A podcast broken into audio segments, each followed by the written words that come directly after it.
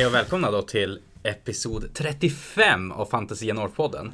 Halvvägs till 70. Ja, sen får vi se om vi släpper den här innan 34, men Ja, faktiskt. För 34 är en mastodont poddavsnitt på typ två och en halv timme. Så att, så att eh, vi får se vilken ordning det kommer. Men, Mm. men det är då, det här är typ 35 eller Mm. 34. det, jag har hört talas om någonstans att du är med i en Tale of X Håll käften. Gamers. Åh, jag vet.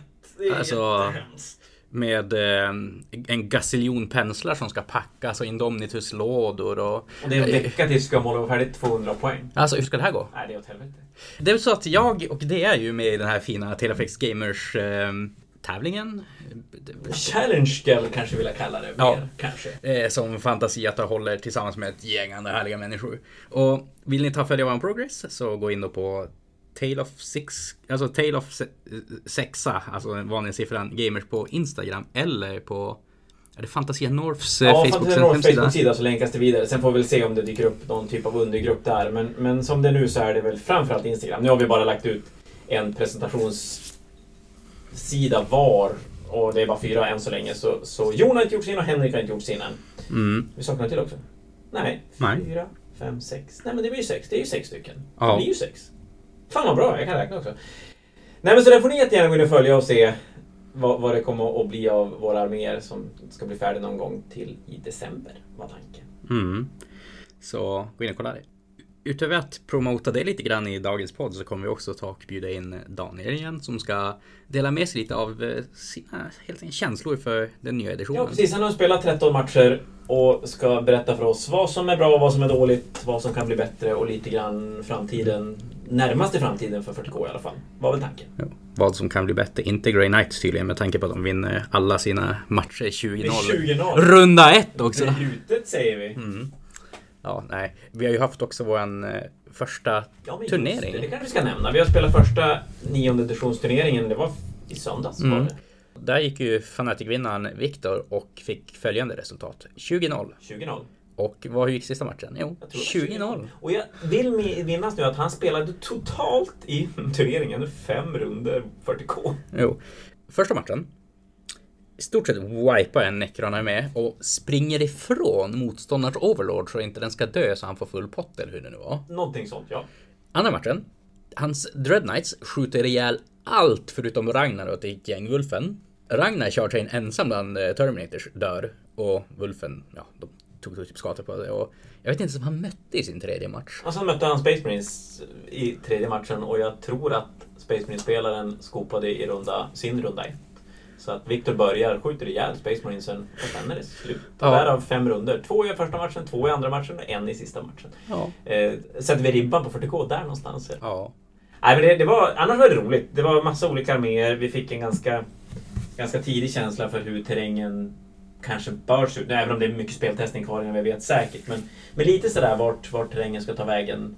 Och sen får vi se. Nu var det ju bara 1000 poäng så att det blir annorlunda när vi spelar 2000. Men det kommer väl mer om det längre fram. Ja. Det var väl allt vi vill säga i podden så vidare då till Daniel. Ja men eh, då är vi med oss eh, Daniel igen för att prata 40K. Hej! Tjena på er! Tja! Du har spelat massa 40K nu. Ja, jag har spelat så mycket jag kan. Jag har väl fått in 13 matcher i alla fall sedan böckerna släpptes. Och få höra då, spontan reaktion. Hur känns det? Nej, men det... Jag, jag, jag tycker det är positivt. Det, alltihopa, typ. Um, det påminner lite om åttonde, men det är jättekul att vi har fått lite regler kring terräng. Och det ändrar ju spelet väldigt mycket, skulle jag säga. Det enda negativa än så länge är väl att missionsarna som är släppta är alla lite för likformade. Alltså, det är liksom stå på Mm. knapp, stå på två knappar, stå på fler knappar i alla missions liksom. Och sen tycker jag att sekundära är lite skevbalanserade fortfarande. Kan jag Mm. tycka. Hur känner du kring de här action eh, upplagda sekundära där man ska göra en action eller en psychic action? Jag tycker det kan vara okej, men nu bygger inte jag sådana listor så jag skulle aldrig spela just på dem. För i mina listor så ska alla gubbar göra saker. Jag har liksom Ja. inte fyra skräpgubbar som står någonstans och bara inte behöver delta i min, i, i min match. Liksom. Så att jag använder dem inte, men jag kan ju se eh, jag har ju sett folk jag har spelat mot som har, som har spelat det bra. De har köpt kanske, du vet, Chaos Spawn eller något för 15 poäng eller vad de kan kosta. Liksom. Som, För Raise the Flag. ja, som ändå ska screena backfieldet från Deep Strikers eh, och inte gör någonting. Eh, och då kan man lika bra plocka en så här, Raise the Flag. Typ. Mm. Men de passar väl inte mig så bra. Men det, det man har märkt är ju till exempel eh, ta till exempel Abort the Witch straffar ju vissa väldigt, väldigt mycket. Eller uh, Bring It Down är ju liksom för enkel att ta 15 poäng. Jag spelade en mekaniserad lista de första 7-8 matcherna kanske. Och jag la ner det ganska fort för att det går inte att vinna tillräckligt stort när man har 15 poäng liksom minus på secondaries när man börjar för att en sak kommer dö. Liksom. Ja, det är klart, spelar du ett 20-0-system då, då är det ju som hopplöst att vinna 20-0. Om du ger bort Ja, 15 precis. poäng per automatik bara. Ja, precis. Ja, jag, jag misstänker väl att man kommer spela liksom, eh, som det är tänkt, men att man ändå på något sätt kommer mäta differensen. Liksom. Så det är ju fortfarande viktigt att, ha, att inte ge bort secondaries för lätt. Jag upplever Ja, när jag kollat på många scenarier att det blir så mindre mycket rushade. Man kan säga i Age of Sigma men också lite 40k-matcher innan. Typ att du scorar i början av din runda. Så du kanske inte bara hoppar in på ett objektiv och tar det utan din motståndare får en chans att reagera på det du gör.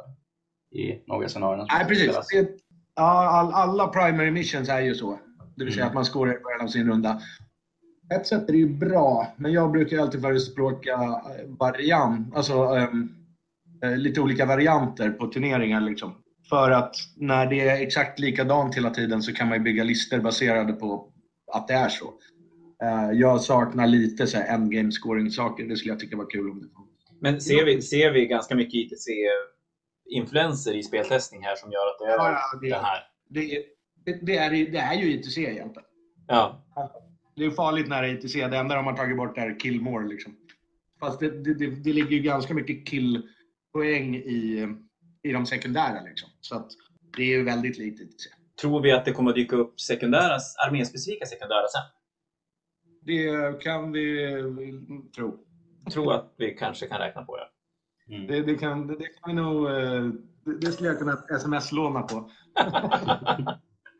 Men hur känns, det, hur känns det när det kommer till valen sekundära? För jag kan känna att nu har inte jag spelat så mycket matcher, men att kan det bli så att det ganska snabbt kommer att att visa sig vilka sekundära som är bara bättre än andra? Det tror jag absolut. Och jag tror att man gör nog rätt i om man bygger en armé där man själv kontrollerar att man får bra två typer bra sekundära. Till exempel quarters tycker jag är det är en typ en no-brainer att ta Ja. för mig. Tycker jag. För att eftersom jag kan sätta saker i strategic reserve, komma in, skåra den, kommer jag ju kunna göra det utan att motståndaren egentligen kan påverka mig. Så kan jag göra det i alla matcher. Liksom. Alla mina listor jag bygger just nu, jag säger inte att det här är liksom något facit, det får vi väl se i framtiden. Men så som jag bygger i alla fall, då satsar jag på att jag ska kunna göra, ta åtminstone du vet, 12 poäng eller någonting sånt på quarters eh, ledigt utan att motståndaren egentligen ska kunna påverka det. Sen så försöker jag, eh, jag bygger just nu ganska små hårda listor. Då typ grind and down passar mig ganska bra, men den är lite anpassad utifrån vad fienden spelar förstås. För om de spelar fyra knights så blir det ju ett dåligt val. Men liksom är det, det är den som man får poäng för om man dödar döda, enheter, äh, döda modeller? Fler enheter. Fler enheter, ja. Så min spelstil är ganska bra. Jag spelar mycket Blood Angels nu på sistone med liksom några få hårda punchenheter. Och så. Det, det, ja, nej, men jag tycker till exempel att um, Slay the Warlord eller vad den heter, den är ju liksom helt värdelös. Jag kan inte förstå varför någon i hela världen någonsin kommer ta den. Då man får 13 poäng, inte 15, utan man får 13 poäng om man dödar motståndarens uh, Warlord i runda 1. Om jag vet att du har den, då kan jag bara reserva min Warlord. Så har jag deniat dig typ 7 poäng bara på att eh, satt en gubbe i reserv. Liksom. Mm. Så att, ehm, jag, jag vet inte, den känns jättekonstig. Liksom. Jag har svårt att se att någon någonsin kommer spela den. Om man inte möter någon som har typ en sån här, jag vet inte, Castellan Knight som Warlord. För då blir man ju bara glad om de reservar den, för då är det så mycket skadeverkan som inte är på bordet. Liksom. Men annars ser jag ingen anledning att spela den. Så jag tycker secondaries kan vara lite ojämna Mm. och lite, lite knasiga. Men Det finns ganska många å andra sidan. Och det är väl bra att man tvingas välja lite olika. Det tycker jag de har gjort bra. Så att det inte är så här, ja, men jag väljer, väljer de här tre sakerna där jag ska döda något. Mm. Bara. Liksom. Utan att man måste ha en där det är lite röra sig, en där man ska tåla lite eller liksom, en där man ska göra någon action eller så. Men de, de känns inte helt balanserade, tycker inte jag. Lite mycket stå på knappar. Det och- primaries är för. Ja, precis. Om- Det och primaries är lite för lika. Det är väl det, det är de två problemen jag ser. Annars tycker jag det känns som en superedition. Hur känns det rent kring det som inte är scenarion? Alltså hur spelet förändrats, både med Overwatch och hur coherency förändrats och alla de där små grejerna. Alltså vad, vad tycker du om det? Vad- Hur, ja, vad har du för tankar kring det hela? Coherency är ganska lätt att arbeta runt. Jag, jag, jag är inte så orolig för den som det kändes innan. Alltså en, en vä- väldigt enkel sak är ju bara att inte ha någon spacing mellan sina modeller så är man ju alltid inom två från två modeller. Så att man kan ju fortfarande stränga, men strängarna blir inte lika långa. Det, det, det, de, det jag egentligen tror att de ville rätta med det, det har de ju tagit bort. Det vill säga man står med en ork, tre orker, en på varsin knapp och, och, liksom, och har ingen coherency men kan ändå skåra knapparna. Och så går det inte att göra längre. Ja, för då kan du behålla ett objektiv med en enhet, visst är det så? Ja, det har jag nog inte sett någonstans. Jag tror att du kan hålla mer än ett, men det kommer ju vara svårt med tanke på att de ligger en bit ifrån och eh, du måste hålla coherency och så här. Så Ja. det är inte riktigt lika utspritt och liksom... Jag tycker, känslan jag fick när jag spelade med terrängen, som du pratade på, kan vara ganska stora förändringar, är att man fortfarande har lite grann samma, samma grej, att man vill ha de här sight-blockande grejerna för att man inte bara ska explodera när motståndaren skjuter lös. Ja. Jag vet Men inte om- alltså, ruinen nu är ju indirekt line of sight-blockande på hela basen. Liksom. Ehm, eftersom står du bakom basen och ruinen är mer än 5 tum hög så kan man inte bli skjuten på. Men de måste Så- stå bakom basen, man får inte stå på basen. Nej, precis. Om man står på basen då måste ju ruinen i sig blocka line of sight. Alltså rent Ja. fysisk Så det jag kände var att man kanske ändå vill ha bottenvåningarna på ruinerna täckta för att de ska ge lite cover ändå. Ja, vi håller på att testa runt med lite olika där. Eh, Just nu har vi borrat hål i våra ruiner, eh, eller liksom våra vägg... eh, Åttonde väggarna. För i åttonde fanns det ju bara lost block eller minus två på terräng. Det fanns Ja. inget annat. Nu har vi borrat lite hål i dem och att baserna i sig bara blockar för att testa hur det känns. För att förstå hur mycket terräng man ska ha. Men ja, eh, jag kan, jag kan nog hålla med dig om att eftersom bordet är så litet så blir det liksom på något sätt svårt att gömma sig. Ja, jag kände det när jag spelade, Ja. att, att gömma en stor giltirenhet bak- bakom en terrängbit.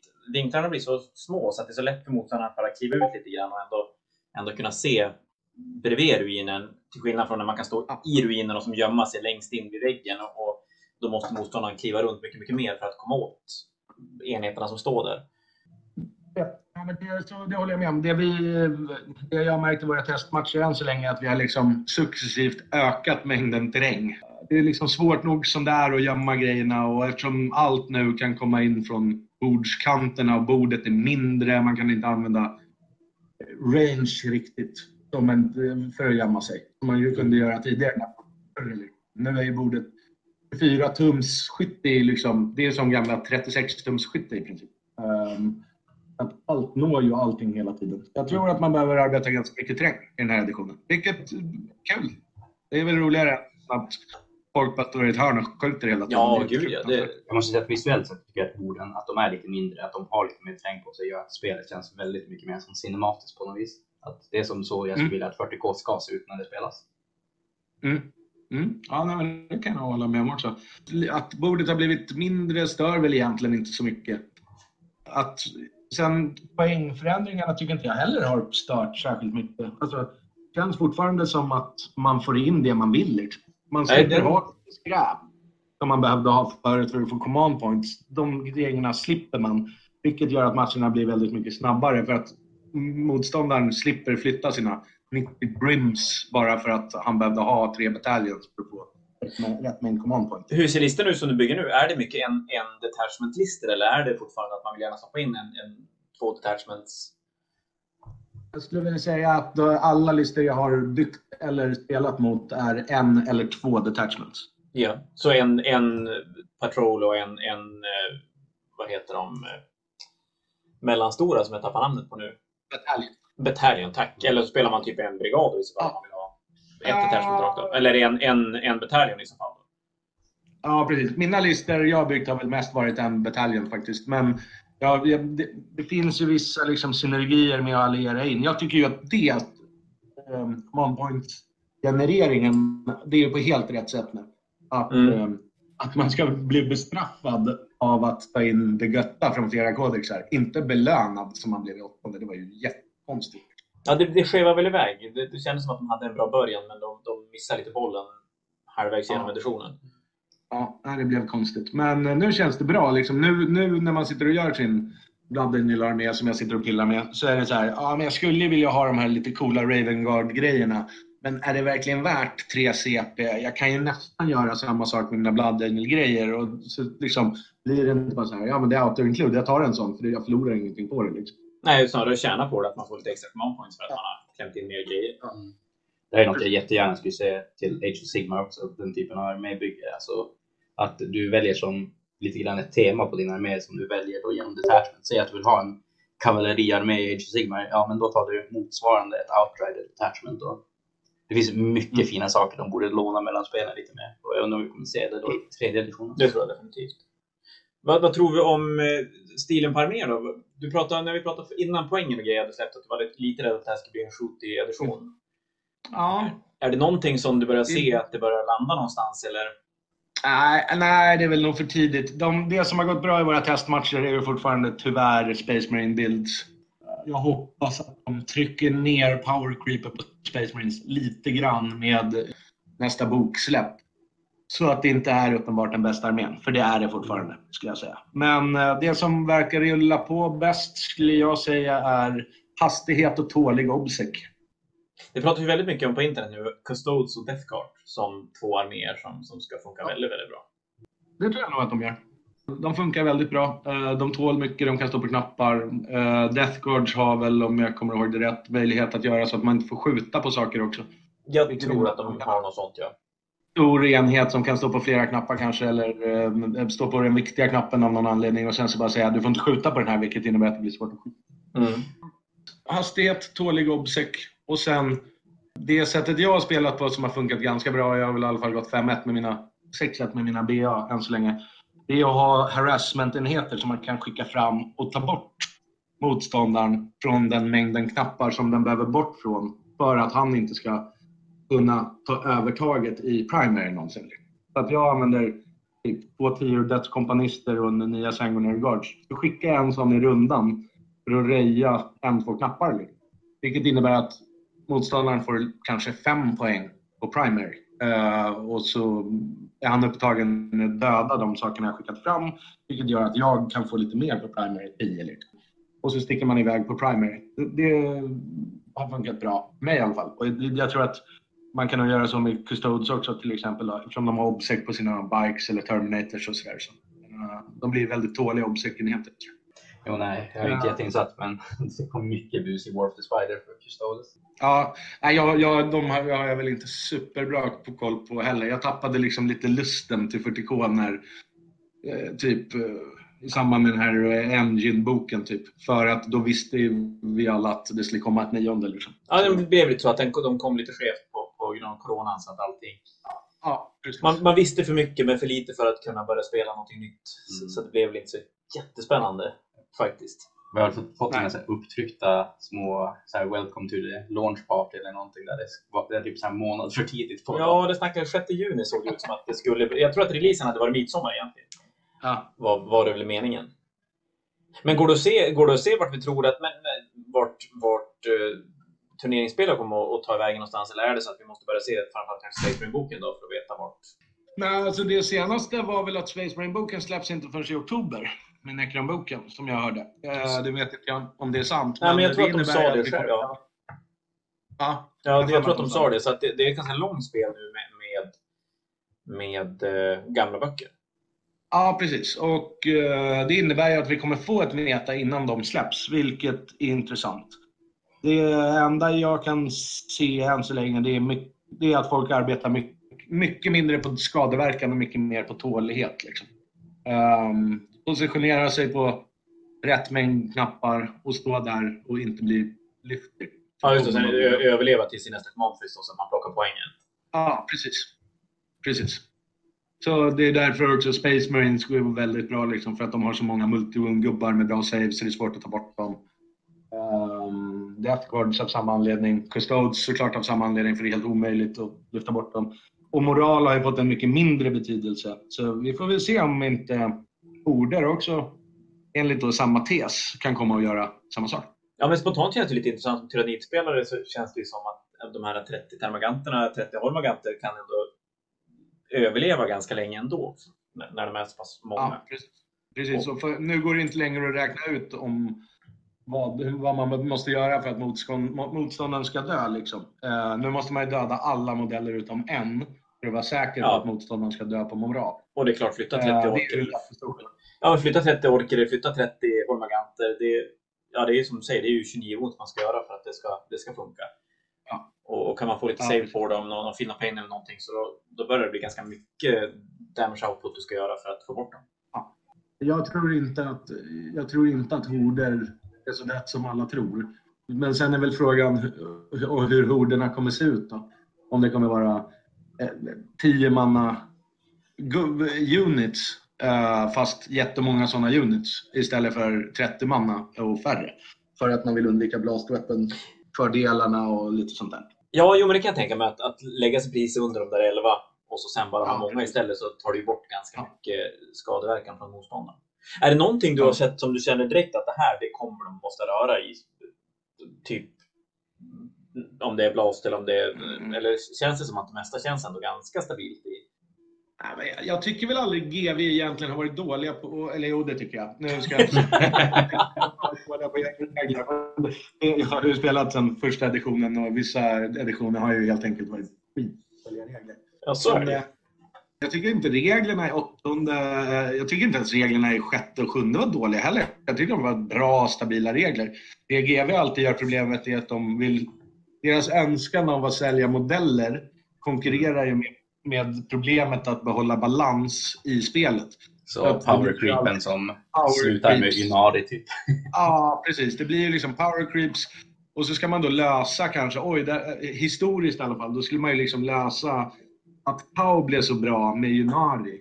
Och sen så märkte man att Junari var så bra så då var man tvungen att lösa med att Space Marines skulle liksom få gratis vehicles. Och så, du vet, det blir bara en bonanza av Ja. power creep och så går det inte spelet. Liksom. Men det känns ju som att de är mer intresserade av, av turnerings... Om man kollar reglerna, om man kollar Chapter Proof så är ju turneringsscenen definitivt någonting de uppenbarligen är mer intresserade av nu. Absolut, och det, det, är ju, det är ju jättekul för oss som spelar. Ehm, jag tycker åttonde hanterar han väl Power Creeps ganska bra. Jag tycker Space Marine-boken förstörde lite för åttonde. Uh, för att det, alla har en Space Marine-armé. Så när Space Marines blir för bra, då blir det ju så här att det blir så här 50% av alla på en turnering spelar Space Marines och top, alla på topp 10 har bara Space Marines. Om det blir en power creep till exempel att blir lite för bra, då blir det inte samma problem. För det är ju så här, då kommer det komma tre killar med, med nids. Det kommer inte komma 50% av hela turneringsscenen. Liksom. Så, och det, det, den boken hade de ju svårt att korrigera. Liksom, för allt är så bra i boken. Så att när de korrigerade det mest brutna, då fanns det ändå någonting som var näst mest brutet. Som var så långt mycket bättre än alla andra arméer. Liksom. Jag skulle nästan önska att alla böcker landar någonstans i Space Marine. Att allting är bara så jävla bra så man kan ta lite vad man vill och det, det blir som bra. Ja, jag tycker, jag tycker att man ska ha Space Marine-boken som riktmärket för, alltså oavsett om den är superbra eller ganska dålig, så ska alltid Space Marines på något sätt vara riktmärket för hur bra det ska vara. Eftersom det är så många som spelar Space Marines så är det rimligt. Liksom. Men det kanske, då kanske är bra att de släpper, med tanke på att editionen är inte så himla stor ändring på, och om de släpper Space Marine tidigt, då kanske de kan träffa mer rätt med den än vad de brukar göra när den kommer först i en edition. För den brukar ju oftast vara ganska dålig när den kommer. Ja, det, det har ju varit historiskt. Den har typ alltid varit dålig fram till nu, typ. Ja, precis. Nej, men det skulle väl vara superroligt. Jag hoppas att liksom de sänker Space Marines när de släpper den några steg. Så att för om man tar bort Space Marines i metat, då tycker jag att det finns jättemycket som är jämnt. Liksom. Mm. Folk bygger listor i lite allt möjligt och verkar få det att funka. Så om man skulle få ner Space Marines till en rimlig, lite rimligare nivå, lyfta upp Necrons till den nivån och så är det den nya liksom, nivån. Då skulle ju dessutom power creepen med de nya kodexarna inte bli så stor. Så det är väl min förhoppning. Nej, för då skulle man ju få, då när ja, men sen Nitsen får en ny bok så kommer det, de, de kommer få en rejält mycket bättre bok, men den kommer ändå inte att bli bättre än det som finns sen tidigare. Nej, precis. Det är så jag tänker också. Liksom. För just nu, det som verkligen sticker ut är Space Marines. Liksom. Ja, och då blir ju alla glada när de får en ny bok, för de blir jävligt mycket bättre. Men spelet bryter inte iväg på något konstigt sätt. Nej, precis. Och jag hoppas att de gör lite mer som du var inne på, att de gör eh, alla böckerna, att liksom det finns en intern balans likt den som finns i Space Marines. För problemet med böcker är att det har liksom funnits en eller kanske två bilds på sin höjd som är kompetitiva i, i varje bok. Och sen har Space Marines kunnat gjort kompetitiva builds med nästan vilka units som helst. Och det är väl dit man hoppas att det ska komma, så att man kan spela de units man tycker är coola eh, och hitta egna synergier som funkar för en själv. För att alla saker man väljer är ungefär jämnbra. Liksom. Eh, Ja, att det är mer spelaren som... Hur man spelar med sina enheter man har valt spelar mer Ja. roll än det faktum att man har valt centurioner, assault-centurioner. Ja. ja. Det skulle vara jätteroligt, för då skulle vi se helt olika listor och då skulle vi få ett väldigt fluktuerande meta, tror jag. När liksom folk dyker upp med jättekonstiga saker som man inte är van att spela mot. Då skulle det liksom bli lite svårare än så här, ah, okej, men jag ska spela mot Ravenguard. Ja, men då vet jag, behöver inte ens titta hur listan ser ut, för jag vet liksom att den ser ut så här. Ja, nu ska jag spela mot Iron Hands. Ja, men den ser ut så här. Och, och, eh, om, om, om, man, om det fanns en jämnare nivå i alla kodexar, då skulle det kunna vara så att någon kommer med Pyro Wars och, och de är bra på något sätt. Eh, Det vore fatta vad mäktigt. Jag har typ sex stycken hemma, så då jävlar! Nej, men då, och då skulle de, de skulle ju per automatik få sälja mer figurer. För att då ska Ja. ju alla hitta sina coola gubbar. Precis, och det är det jag tror man måste inse som speltillverkare. Liksom att om, man har, om de har en intern balans som är jämn, då kommer de ju sälja mer än om de säljer än om att de gör det nyaste kodexet blir bättre hela tiden. Ja. Uh, för att jag tror man, då skulle man ju liksom sitta och äga kanske alla modeller till NIDS för att alla är spelbara och man tycker att det är kul att testa runt och byta saker och sådär. Liksom. Istället för att man ja, hoppar runt. Så jag tror att det, jag tror att det skulle vara bra för dem. Men, men då, summa summarum för, för nya, när man ska titta på listor och grejer nu, det är egentligen när man bygger listor att titta väldigt mycket på hur man tänker sig kring sekundära objektiv redan i listbygget då. Det skulle jag göra i alla fall. Jag skulle titta på de sekundära objektiven och så skulle jag försöka hitta två sekundära objektiv som jag äger möjligheten att klara eh, Ja. själv. Liksom. Eh, säg, eh, jag satsar mycket på obsec eh, och snabb scoring. Så domination, det vill säga håll mer än hälften av alla knappar. Det borde jag kunna se till att jag kan spela mig till för Ja. att jag har listan så. Och sen har jag några skräpenheter som jag kan sätta i strategic reserve. De kommer in och tar quarters hos mig i du vet, tre, fyra runder. Då har jag ju jättemycket poäng där. Som motståndaren kanske kommer att ha svårt att liksom, göra någonting åt. Eller eh, du vet, köp tre mm, karaktärer som inte ska vara offensiva. Som är dina dyraste tre modeller. Eh, som bara är buffkaraktärer och så säger du att de ska överleva. Och så ser du till att de ska göra det. Eh, för att de ändå inte är offensiva karaktärer som ska fram och boxas. Liksom. Så att man helt enkelt bygger sina listor lite runt det sekundära. Det skulle jag göra i alla fall. Mm. Eh, och sen det primära, det är såklart jätteviktigt, men där, där kan man ha lite olika strategier. Där kan man antingen ha, ja men jag ska vara tålig och stå på knappar och vinna. Eller så kan man ha strategin, jag ska göra så mycket skada så att motståndaren kommer aldrig få stå på flera knappar. Ja, men precis. Eh, Skadeverkan. Liksom. Coolt! Ja, men det är kul. Det låter ju ändå som att, att editionen har ganska mycket gott att komma med. Jag tycker den är än så länge jätterolig. Vi är superpepp. Vi spelar hur mycket som helst. Jag ska spela två matcher till på lördag. eh, Eller, eller tre hoppas jag. Eh, Så fem, sex matcher i veckan är väl målet i alla fall nu Mm. framåt ett tag. Gött. Så är du redo för Fnatic till i oktober? Ja, jag hoppas att det blir av. Det, är, att- det, det lutar åt det, gör det. Kan jag väl säga. Ja. Det blir skitbra. Mm. Ja, men du Daniel, då får vi tacka för ikväll.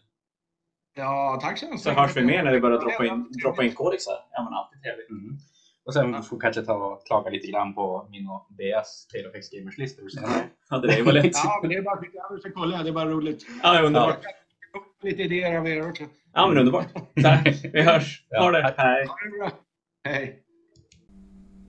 Ja, men det där var då Daniel som delar med sig av sina 40K-matcher.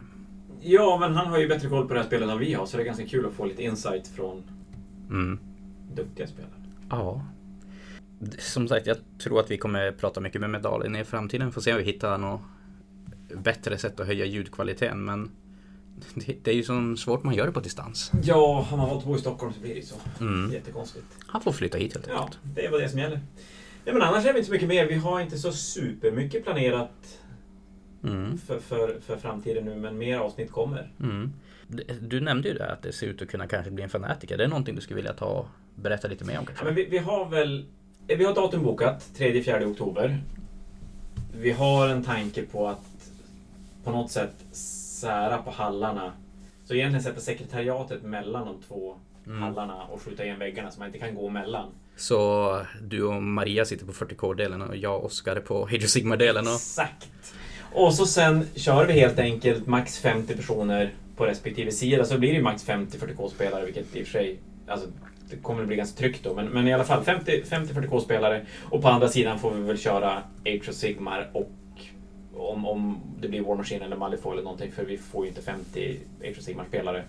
Mm. Förmodligen även med en vanlig Fnatic. Skillnaden är ju att det kommer att bli dyrare att spela. För att vi behöver lika stor hall men med hälften så många spelare. Och vi behöver lika många bord just för att kunna sätta folk väldigt, väldigt långt ifrån varandra. För då blir det då 25 bord i en halva och då, då kommer man ju ha otroligt mycket plats. Mm. Och så sen att vi kommer att i så fall försöka köra ett heldigitalt inrapporteringssystem vilket gör att man behöver inte gå fram till sekretariat och grejer. Mm. Man kan göra det via sin smartphone. Ja, men exakt. Så att vi ser till att folk inte behöver komma i närheten av varandra överhuvudtaget. Utan du Mm. har en du möter som, som du är som nära varje match. Mm. Och det är väl planen som det ser ut nu. Men sen tänker jag att vi ska avvakta till skolorna börjar, till universitet kommer igång. Och är det så att det kommer igång och det kan rulla på som vanligt, då ser jag väl egentligen ingen anledning varför vi inte ska kunna köra Mm. en, en lite mindre Fnatic till hösten. Helt enkelt. Så att, håll koll på den. Det kommer väl bli ganska tryck på biljetterna så att se, se till att vara, vara vaken när vi börjar lägga ut information, vilket kommer framförallt att komma på Facebook i första hand, skulle jag säga. Nej men det var väl allt vi ville säga idag. Det Så var allt för idag. vi får se när vår långa Fanatic-podd kommer ut. Men ja, Till nästa gång. till nästa gång. Hej då! Hej då!